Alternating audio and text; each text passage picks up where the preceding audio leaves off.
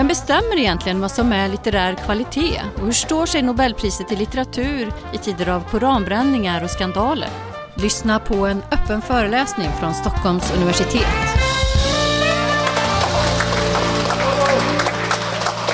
Välkomna till Tranströmer biblioteket. Vi har lite som en, ja men lite som en uppesittarkväll. Det är ju Nobelvecka, tre priser har redan delats ut, de naturvetenskapliga, men imorgon är det dags för litteraturpriset. Jag heter då Karin Gyllenklev, är journalist och med mig har jag Karin Fransén, professor i litteraturvetenskap. Välkommen. Tack så mycket. Kul att vara här. Är du pirrig inför imorgon? Ja, jag tycker också att det är spännande. Det är det. Alltid lika spännande får man säga. Ja. Och bredvid dig sitter Bo G Ekelund. Välkommen. Tackar. Jag kommer säga Bosse. Bosse, det är jag van vid. Ja, Tack. men precis. Det har du sagt, inte att jag tar mig frihet. Utan. Eh, även du är professor i litteraturvetenskap på Stockholms universitet. Hur, hur nyfiken är du på beskedet imorgon? Oerhört. Jo, jag räknar med att bli överraskad. Det ligger på något vis i akademins uppdrag nästan att, uh, att överraska. Alltså det, det, finns inbyggt i det här. Det, det, det får ju inte bli förutsägbart. Då, då skulle genast mycket av den här spänningen kring priset och värdet på priset också sjunka något. Det får inte vara förutsägbart, man ska överraska, men ibland så kan man överraska genom att inte överraska. Alltså det... det går inte att göra fel. Nej, precis. Men eh, jag tänker ikväll ska vi, vi ska försöka ringa in vad är det för typ av litteratur som får Nobelpris? Hur det här har ändrats genom åren. Ehm, och så tänker jag också vi kan prata lite om så här, hur står sig litteraturpriset idag i, i tider av koranbränningar. Det finns eh, inbjudningslistor med inte alltför populära namn. Eh, jag tänker på Rysslands ambassadör, det drogs ju tillbaka den inbjudan sen. Eh, ja, men lite sådär, kan Nobelpriset i litteratur bli kantstött av sådana saker? Och sen så kommer vi också under kvällen att få höra lite Nobelprisad litteratur. Karin och Bosse, eh, vid frukostbordet hemma hos mig häromveckan så pratade vi om Nobelpriset i litteratur. Eh, det var väldigt nytt för mina barn, de är fyra och sju år, så de kände inte till det. Men min sjuåring blev väldigt eh, alltså man såg hur det tändes något i blicken på henne. Sådär, kan man få ett jättefint pris för att skriva böcker? Liksom, så hon tittade på mig och så sa hon, hur får man det där priset? Ska vi, ska vi, hur får man det där priset? Det viktiga är ju att man skriver då. Det är en förutsättning. Hon sa, om jag skriver en jättetjock bok, kan jag få det?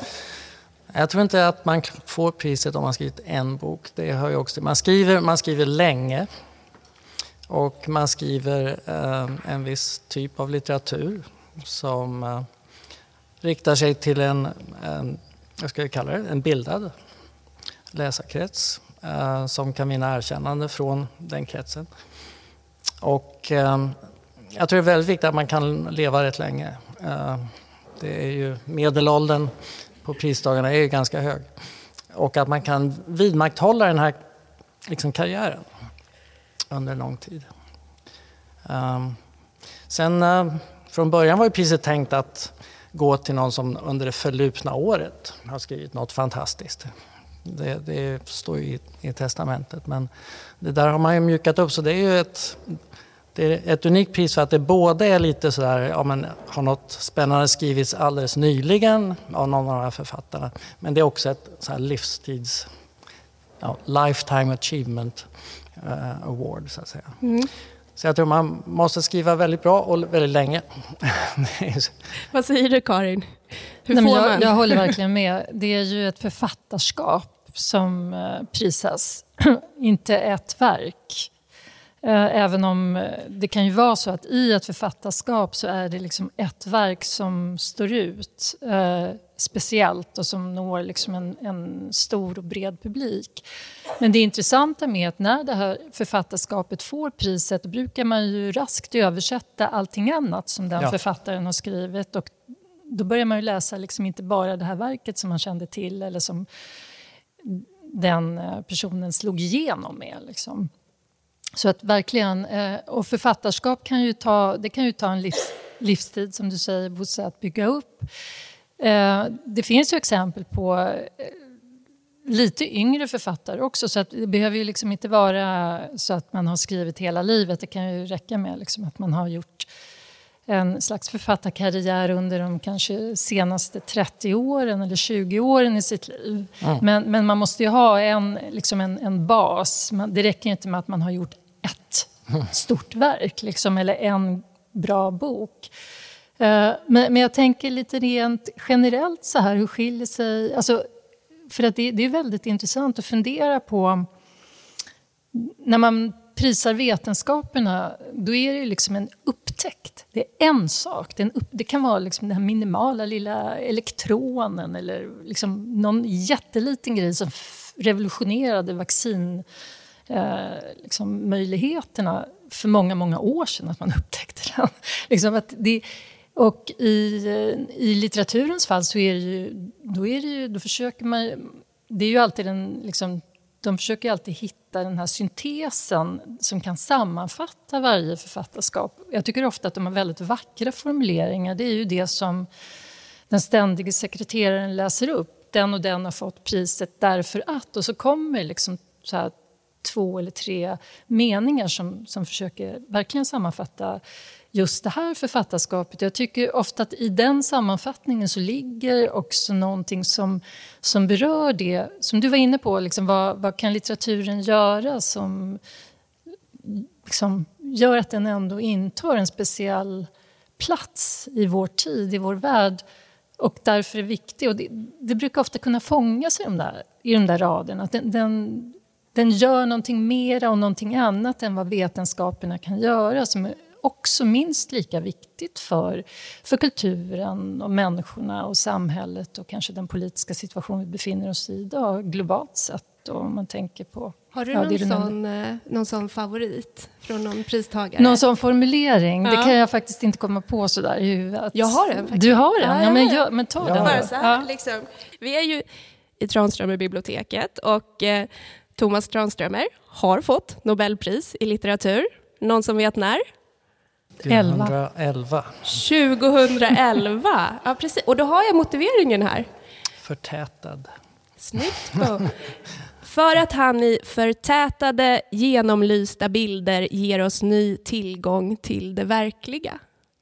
Ja. Jag tänker att vi, vi kan ta in Max Edenborg och så kan vi få höra eh, lite, lite Tranströmer. Bo, innan, innan det, vad, vad har du för förhållande till Tranströmer? Eh, jag har ganska personligt förhållande till Tranströmers dikter för att jag läste honom i den här perioden när man är som mest så här, um, berusad av litteratur. Alltså när jag var um, 20-24 år sådär. Mm. Uh, och då läste jag Tranströmer dikter och jag, fick, jag hade en, en ett, ett litet häftes med ett urval av dikter i, med papperspärmar och sen så fick jag en, en riktig inbunden bok till julklapp av min pappa. Uh, den gick, det var så här samlade dikter upp till 78. Och uh, jag är väldigt uh, fångad av, av Tranströmer, eh, ja, för det här, precis som den här beskrivningen säger, alltså att, att han förmår skapa bilder på ett sätt som är fantastiskt. Och det är ju Alltså om man går tillbaka till den västerländska litteraturens början så säger Aristoteles att förmågan att skapa bilder det är beviset på eh, diktargeni. Alltså.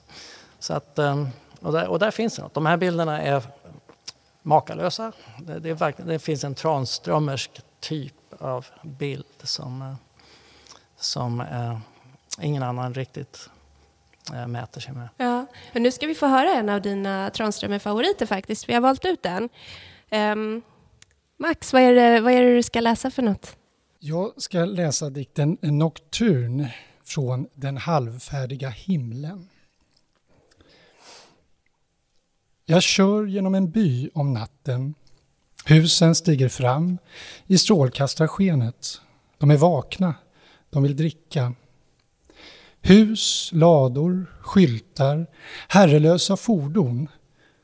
Det är nu de ikläder sig livet. Människorna sover. En del kan sova fridfullt. Andra har spända anletsdrag, som om de låg i hård träning för evigheten.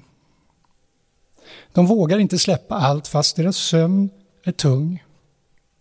De vilar som fällda bommar när mysteriet drar förbi.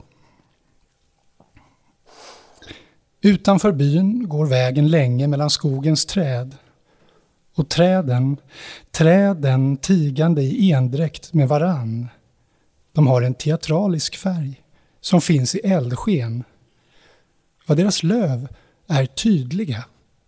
De följer mig ända hem. Jag ligger och ska somna. Jag ser okända bilder och tecken klottrande sig själva bakom ögonlocken på mörkrets vägg. I springan, mellan vakenhet och dröm, försöker ett stort brev tränga sig in förgäves. Vi pratade ju lite om ifall vi skulle köra Tranströmer eller inte. För du sa, ni brukar inte försöka göra det liksom varje gång, så här, nu ska det vara Tranströmer. Nej. Nej, han var ganska tydlig med det faktiskt när det diskuterades om han skulle, om man skulle då byta namn på detta bibliotek till Tranströmerbiblioteket. Eh, vilket slutligen skedde 2014, så det har inte hetat det här allt för länge. Men han var lite avigt inställd till det faktiskt, enligt vad jag har hört.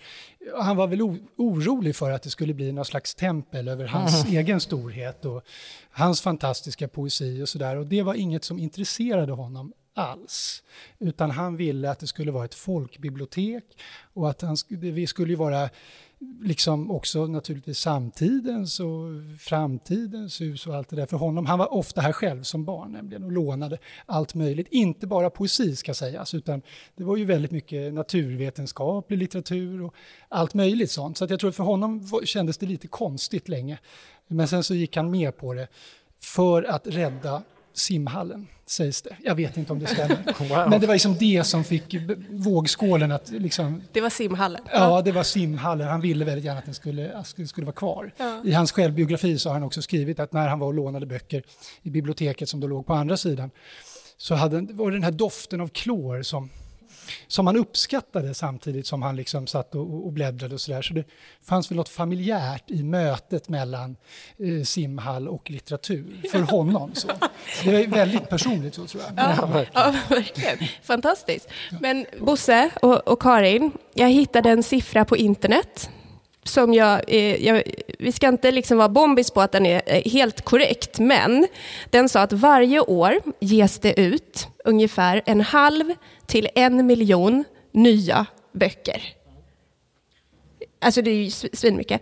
Eh, då är inte självpublikationer inräknade, för då är vi uppe i fyra miljoner per år. Eh, och genom åren det har ju skapats otroligt mycket litteratur.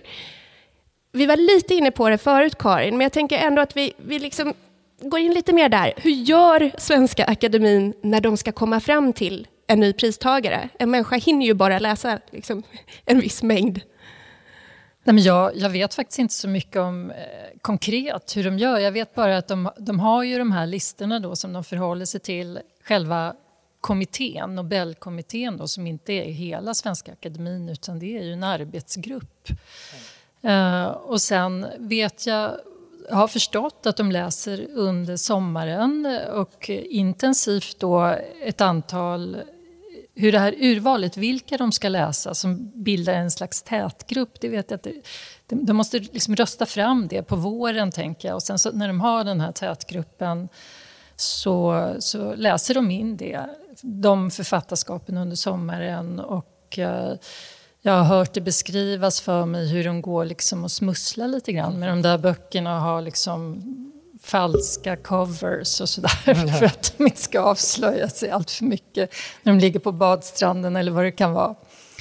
Och sen så har de ytterligare möten då och diskuterar liksom utifrån sina läserfarenheter som de har gjort under sommaren. Och så kommer de fram till, till ett beslut. Jag tänker att det kan inte vara lätt. Eh, och eh, det kan uppstå oenigheter och så vidare. Det kan jag livligt föreställa mig. Men de kommer ju alltid fram till till en kandidat. Det har ju liksom aldrig stupat på att de inte har lyckats komma överens. Mm. Eh, Bosse, sen är det ju så att hur de här diskussionerna har gått, det är ju också väldigt hemligt, även när eh, pristagaren är, har liksom tillkännagivits. Ja, visst. Hur länge är det hemligt? Ja, det är de här 50 åren som det råder sekretess. Och det gäller ju inte bara alltså själva beslutsprocessen utan det gäller ju även eh, alltså vilka som har blivit nominerade. Så att eh, från de här miljonerna titlar så är det ju, det kommer ju ändå en begränsad mängd till eh, kommittén i form av då nomineringar från de som har rätt att nominera och, och där är det ju Nobels testamente som konkret sa vilka som skulle då kunna nominera. Och det är ju liknande akademier och det är tidigare eh, pristagare och det är kan prof professorer. i litteraturvetenskap, kan ni nominera? Jo, men det, när, jag, när jag blev professor så fick jag det här brevet, liksom, out of the blue, som sa att jag skulle kunna nominera en pristagare. Jag hade ingen aning om det, men så är det. Har ni gjort det någon gång? Mm, jag har gjort det ett par gånger. Ja, du har det? Ja, in, inte varje år, men jag har gjort det ett par gånger. Mm. Har, ja. har, har de vunnit? Inte de, ännu. nomineringar? Inte ännu. Nej. Nej. det här är ju Nobelpriset i litteratur. Det har delats ut i över 120 år, tror jag. Om jag har gjort min matte rätt. Eh, har liksom den typen, har, har, typen av litteratur som prisas förändrats under de här åren? Ja, eh, det, det kan man ju säga ja på en gång. Alltså att, eh, det är så att litteraturen har förändrats under den här perioden. Samtidigt så är det ju en, en väldigt stark kontinuitet. Eh, alltså vi läser ju ständigt den här kritiken av att akademin ständigt har valt då europeiska eller nordamerikanska författare.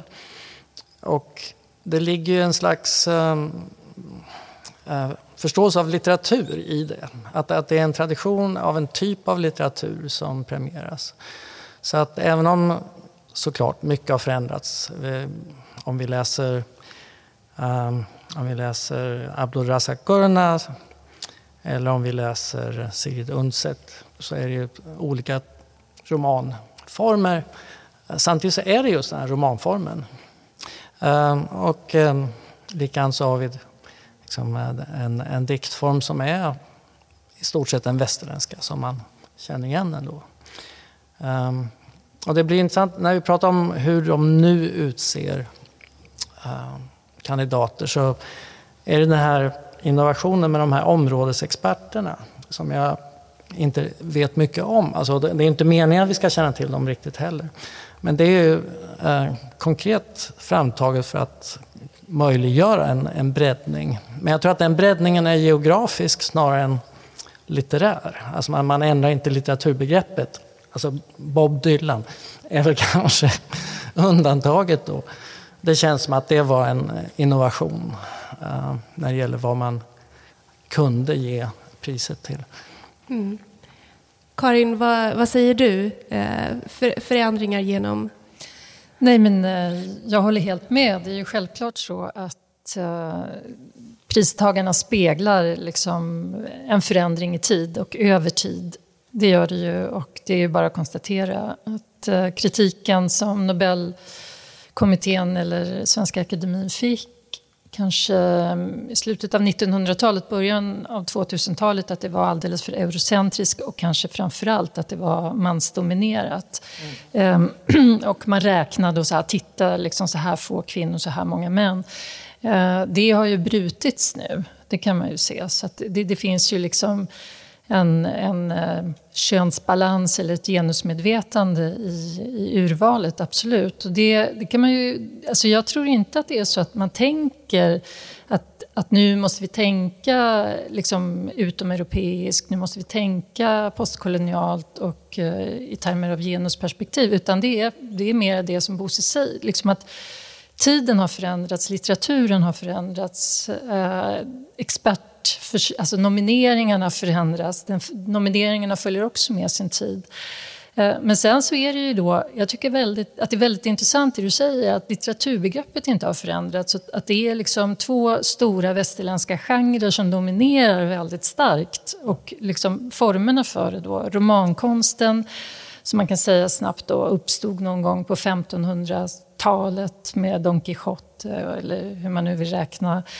Eh, och och, eh, och lyriken som har liksom anor tillbaka till antiken, men, men som, det är ju framförallt kanske den centrallyriska, den, den här lyriken som har ett jag i centrum.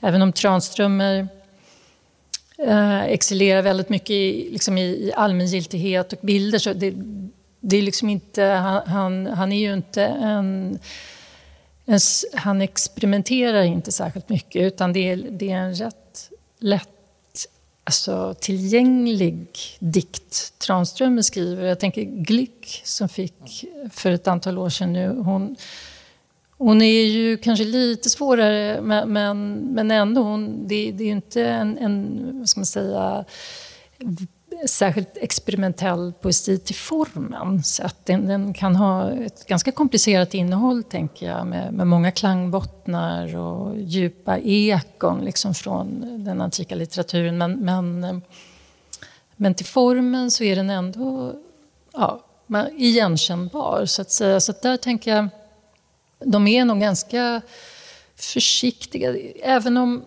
Dario Fo har fått en gång, han är ju dramatiker. Eh, och man kanske kan tänka, jag, jag skulle ju önska liksom att, att de kunde gå lite grann över genregränserna. Jag tycker romanen har ju verkligen dominerat den, den traditionella romanformen. Eh, även om man då, precis som du säger, liksom blickar mot Asien eller Afrika eller Latinamerika så är det liksom romanen och den har den här västerländska grunden på något sätt. Um, jag skulle tycka att det var roligt om man, om man vågade sig på lite mera liksom, hybridgenrer eller an, lite mer överraskande genrer. Bob Dylan fick, fick det ju för... Alltså man motiverade ju priset till Bob Dylan just för att det var lyrik. Att han skriver in sig i den här centrallyriska traditionen.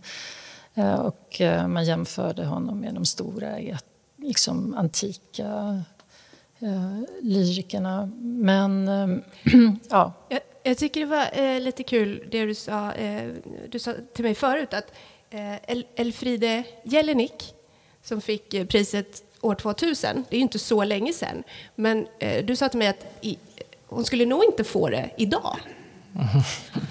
Har du sagt. Vill du, vill du utveckla det? Nej, men jag tänker så här att personerna som sitter i kommittén eh, präglar ju till viss del valet. Eh, och eh, man kan ju fundera på vilka som satt där då. Vad var det liksom? Vad, vad var deras... Man kan ju tänka sig, vad är deras estetiska liksom, preferenser eller ideal någonstans? vilka talar sig varm för just den här liksom, litteraturen. För det är ganska, ja, kan ja. vara ganska våldsam litteratur, ja, eller vad, vad utmärker ja, liksom alltså hennes... Det blev ju lite skandal när hon fick. Det var ju en, liksom flera som skrev att det här var ett dåligt val, att, att hon liksom inte lever upp till det här allmängiltiga som man vill, liksom att, att litteraturen Eh, på något sätt ändå ska ha som prisas av Svenska Akademin. Att den var för, för provokativ, eh, för våldsam, egentligen då kanske för smal. Liksom att hon bara driver en sak. Liksom. Men, men ehm, nej, jag tyckte att det var ett väldigt uppfriskande pris. Eh, spännande, ett spännande författarskap och också eh, ganska liksom, över genrer. Så det är lite svårt att placera in henne i den här traditionella romangenren. Det är det definitivt.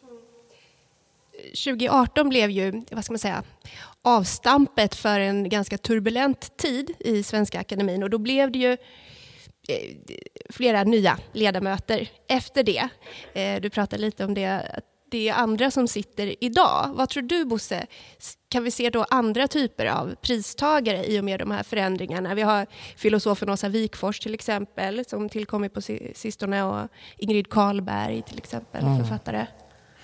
Jag är nog ganska dåligt skickad att svara på den frågan. För att, eh, alltså jag, jag, tror att i princip så är det lätt att svara att eh, precis som Karin säger så eh, formas ju sätts ju gränserna för vilka priser som då, eller vilka som kan få priset av eh, hur de här personerna har formats som läsare och vilka estetiska normer de har. Alltså det, det, det är självklart. Men eh, då skulle man ju verkligen behöva gå in på och ta reda på mycket mer om hur har de här läsarna formats och eh, vilken typ av litteratur håller de högt och så vidare.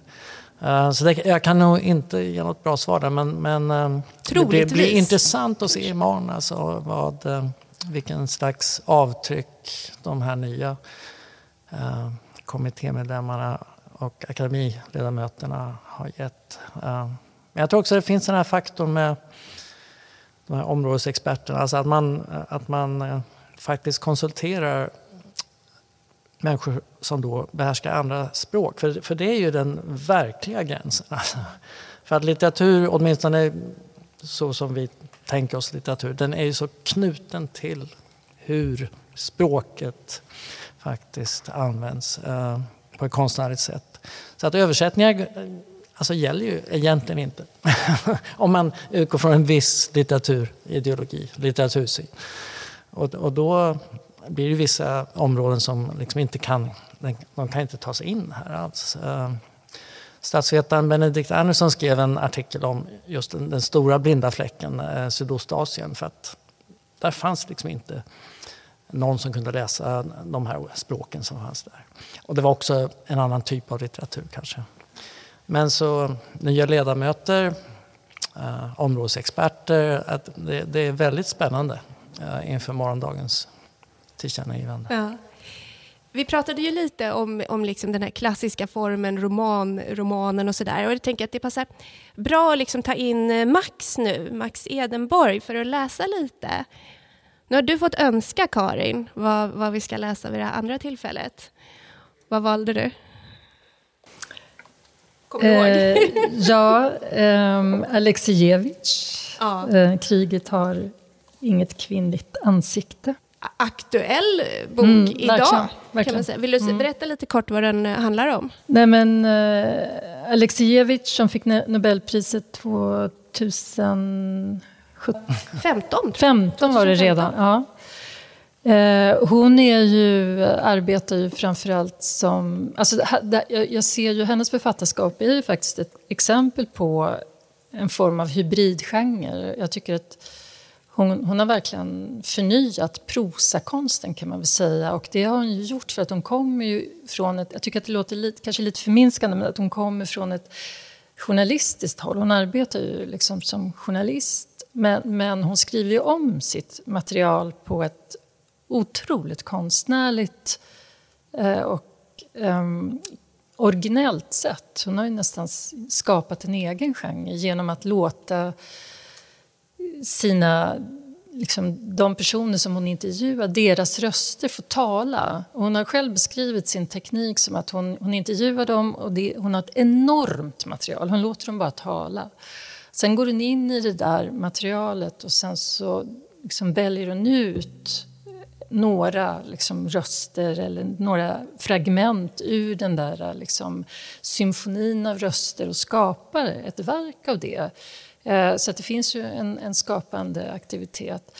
Genom det här sättet att arbeta... Alltså det kan ju både vara lite så här kanske att man begår ett visst våld, liksom att man, man bara klipper och formar om det som har sagts. Men å andra sidan så skapar hon ju en, en fantastisk liksom, hon går ju in, det är som att gå in i språket och bara liksom fånga upp språket när det är som mest levande. Och ibland kan man ju tycka att litteraturen stelnar i stereotyper och klichéer, i retorik, man känner igen.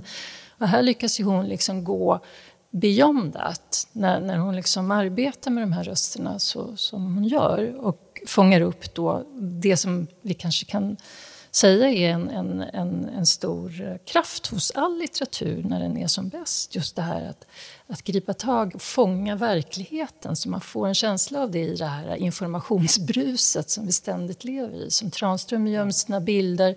Men hon gör det ju liksom genom att fånga de här rösterna som talar. Och det här är ju då vittnesmål från andra världskriget och kvinnornas betydelse i, i Sovjet under andra världskriget som har helt varit liksom marginaliserat, för att inte säga bortträngt från historieskrivningen tidigare. Folk säger till mig, minnen, det är ju varken historia eller litteratur. Det är bara nerskräpat liv som inte ordnats upp av någon konstnärshand. Pratets råmaterial. Varje dag är fullt av sånt. Överallt ligger sådana där tegelstenar och skräpar.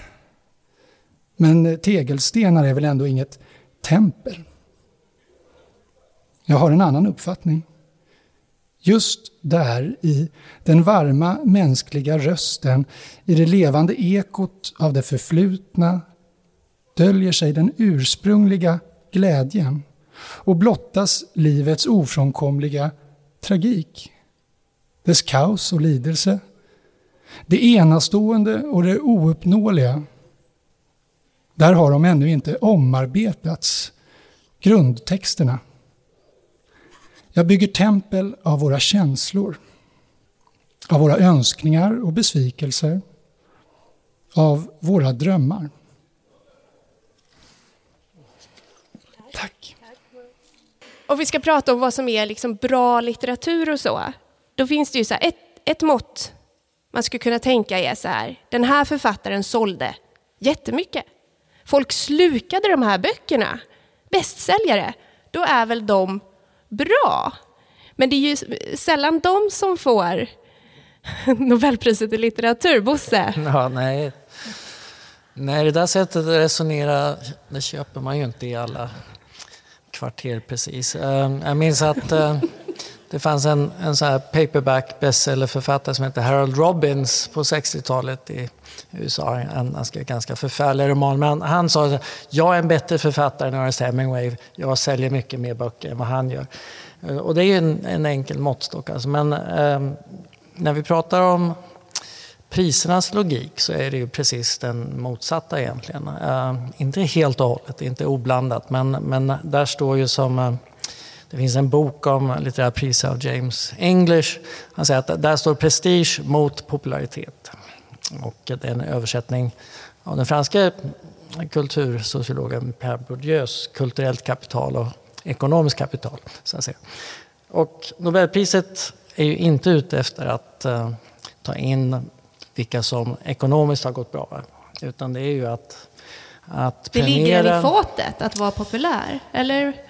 Ja, det finns en tes där om att eh, det är inte bra att börja med att vara populär. Man kan få bli populär, men man måste åtminstone börja med att vara lite smal och svår. Alltså, men sen, sen kan det gå okej okay att vinna popularitet lite senare.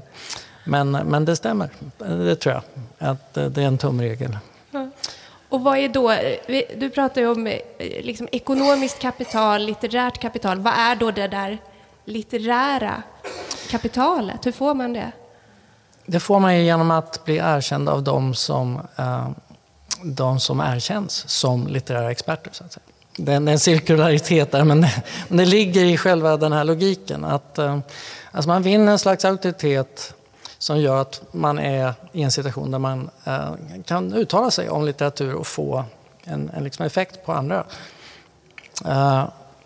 Och därmed, om man har förmågan att erkänna litteratur, så blir man en, en slags smakdomare då. Eh, men genom att vara en sån smakdomare då drivs man ju också till att, att ständigt liksom finna den litteratur som inte erkänns kommersiellt utan den som behöver det här erkännandet för att den, den vinner sin kraft i någon slags rent litterära termer. Alltså det, idealet är, det är en... Eh, jag har en amerikansk författare som jag gillar väldigt mycket. Han, han sa en gång att min stora dröm är att en gång skriva en bok som är så bra att den inte ens blir publicerad. Och det är liksom den, det är den logiken. Så, säga eh, finns i ena hörnet. Men uh, samtidigt så tycker jag nog att Nobelpriset ofta ges till författare som ändå har en, ett, ett visst mått av det här uh, mer populära erkännandet också. Mm. Men, och, och, sen så är det väl så också att när eh, en författare får Nobelpriset då får den också automatiskt ett större litterärt värde. Är det så? Dess, dess verk, bara genom att få liksom, priset så har värdet... Ja, så är det ju. Ja. Alltså, det är ju um, så akademin, kommittén och akademin, uh, de skapar ju litterärt värde. De ska lägga till ett litterärt värde till vad som ofta redan har stort litterärt värde ska sägas. Det är ju så att eh, Alltså Akademi, Nobelpriset kommer ju som rosen på tårtan och, och liksom själva tårtan har ju bakats av en, en väldig massa andra sådana här auktoriteter som kan ge erkännande. Det är ju ända från, ja, från förlagsläsare till förlagsredaktörer till kritiker, recensenter och sen är det alla andra priser. Det finns ju ingen Nobelpristagare som inte har liksom en hög andra priser redan i bagaget, nu för tiden i alla fall. Det, vad var det? Jag läste att ehm, um, 2008 så fanns det så 30 000 priser. Inte bara litterära då, men, men ehm, alltså mängden priser har ökat i en enorm takt under hela 1900-talet. Där Nobelpriset på sätt och vis är startskottet för den här fantastiska ökningen av priser. Så att eh, priserna är liksom, priserna är en ganska konkret värdemarkör som då konkurrerar med de ekonomiska eh, värdena. Men samtidigt tänker jag att eh, dagens eh, vad ska man säga, kommersialisering av litteraturen som är oundviklig även när det gäller liksom Nobelpristagarnas litteratur Förlagen öppnar ju champagneflaskor, mm. inte bara för att hylla det litterära värdet utan för att de kommer tjäna pengar. Och eh, författarna får ju en ganska ansenlig mängd pengar när de får priset. Och priserna i sin tur skapar ju listor på kulturredaktionerna och man börjar diskutera de här författarna, vilket betyder försäljningssiffror. Så att jag, jag tänker att den här liksom uppdelningen som är lite vad ska man säga, dialektisk hos Bourdieu, att eh, ju större kulturellt kapital desto mindre ekonomiskt och vice versa, inte riktigt stämmer med, med den här verkligheten. Jag såg att Stephen King till exempel var med på en av bettinglistorna.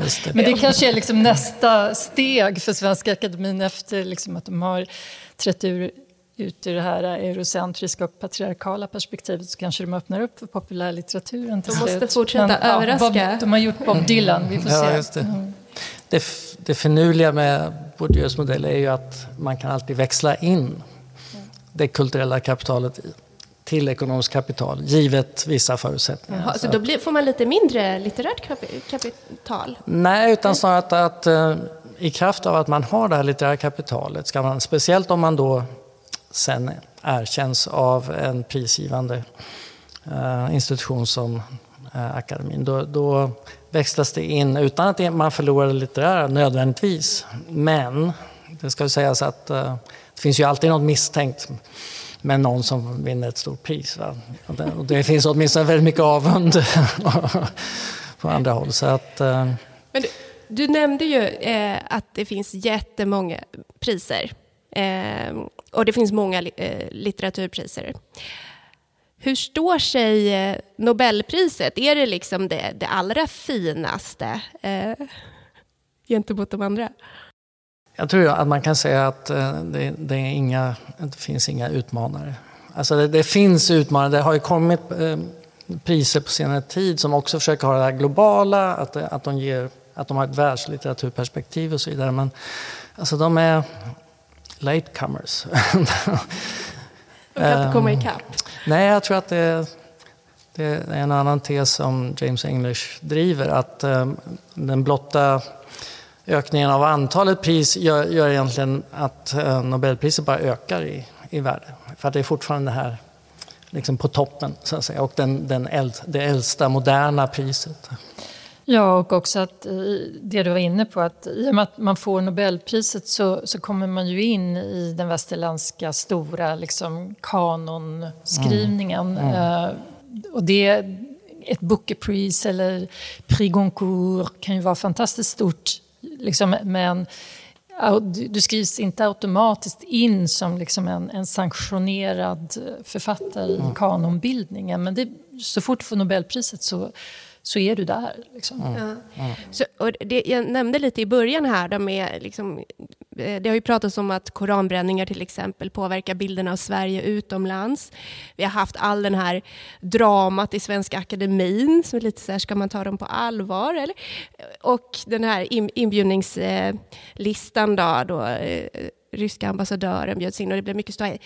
kan sånt påverka? Alltså kan det göra Nobelpriset i litteratur lite kantstött, sådana ting? Eller är det untouchable?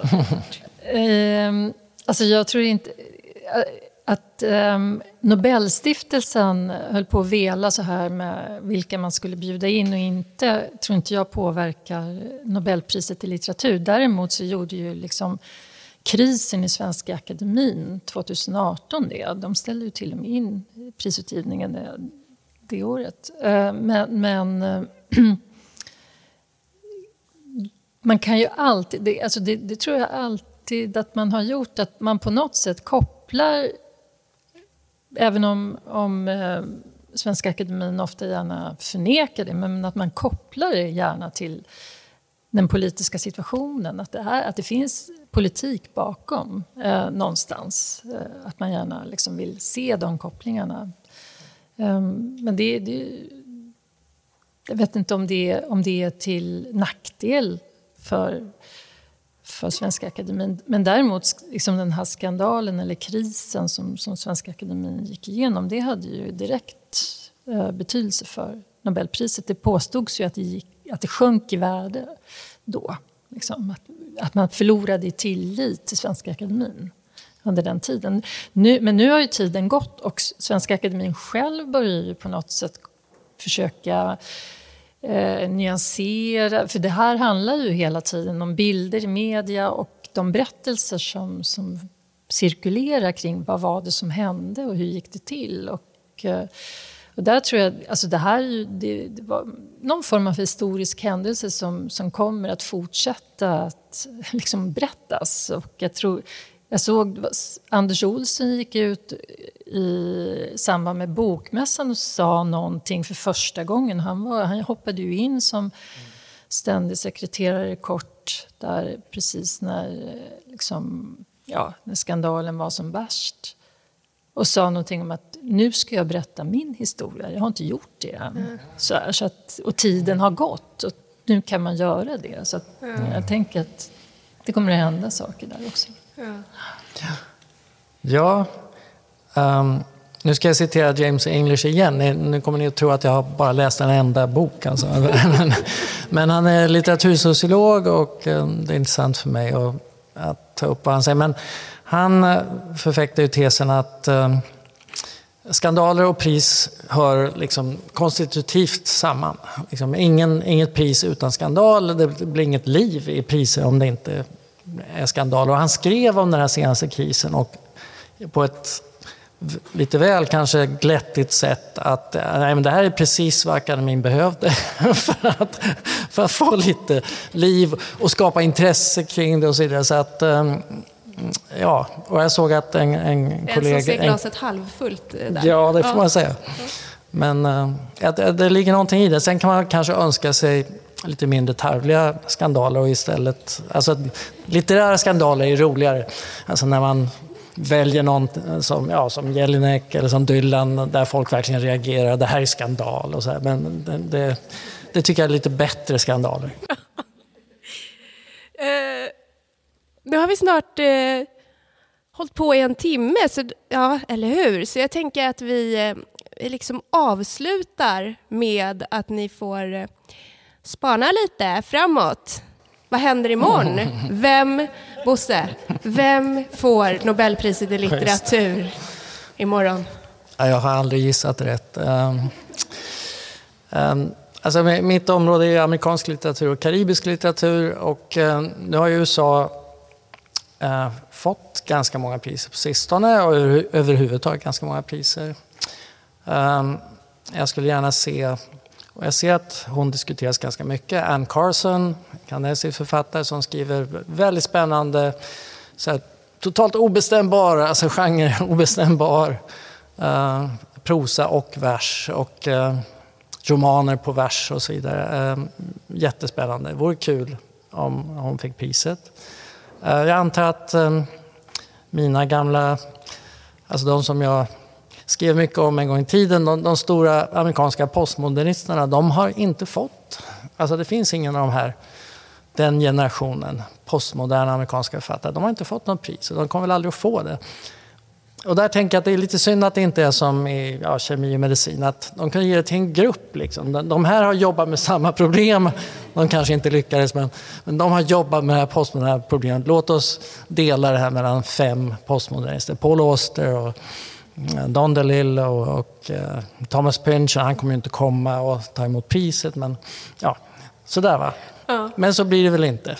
Men däremot kanske en, en karibisk uh, författare kunde vara på gång. Det är 20 år sedan åtminstone. Och det är ett jättespännande område, eh, Karibien litterärt. Eh, där finns Jamaica Kincaid, även om hon bor i USA. Eh, hon brukar diskuteras. Maris Condé.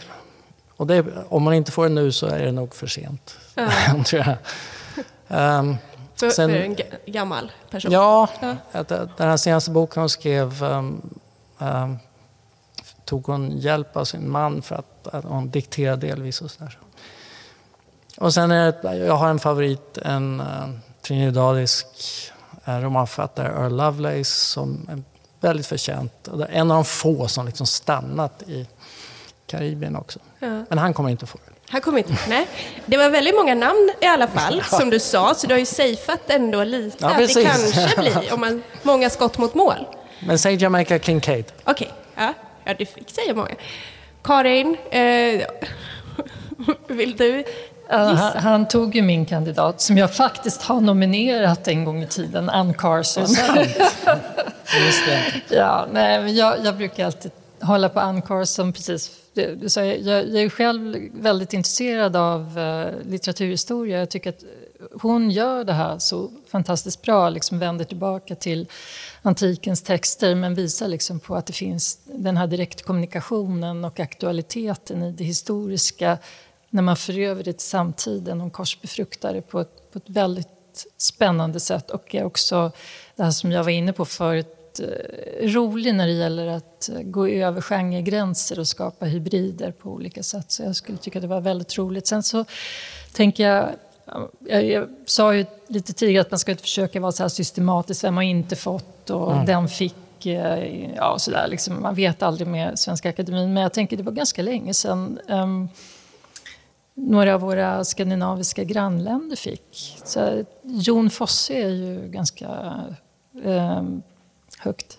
tippad, mm. uh, som skriver också väldigt speciella texter, men som ofta uh, har liksom det här dramatiska anslaget och sätts också upp på scenen väldigt mycket. Han skriver liksom för teatern. Men jag den, den, första bok jag läste av Jan Fosse hette, jag tror den hette Stämd gitarr. Jag har kvar den. Jag skulle gärna vilja läsa om den. Jag var liksom bara mm, kanske 25 när jag läste den. Jag tyckte att det var, vad är det här? Det här, har jag, alltså, det här har jag aldrig läst förut. Och sen har ju han bara fortsatt. Så att jag skulle tycka att det var kul om om en norrman fick. Mm. Ja. Mm. ja, men eh, stort tack Karin Fransén och Bo G Ekelund. Tack.